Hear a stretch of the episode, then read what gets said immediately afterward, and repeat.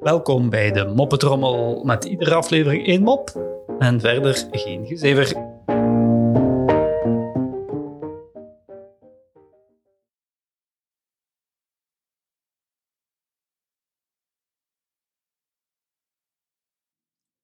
Een pessimist, een optimist en Herman Brusselmans lopen een café binnen en bestellen een biertje.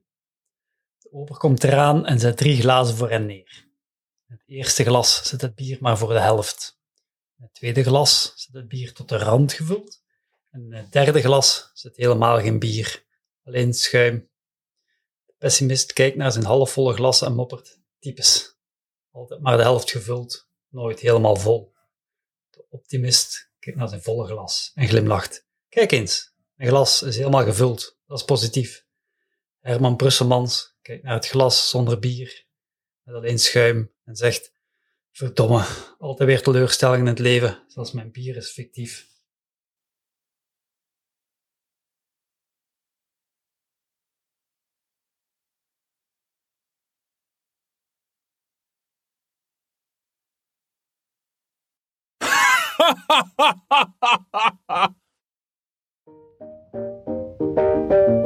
Zo, dat was de moppetrommel voor vandaag. En tot morgen.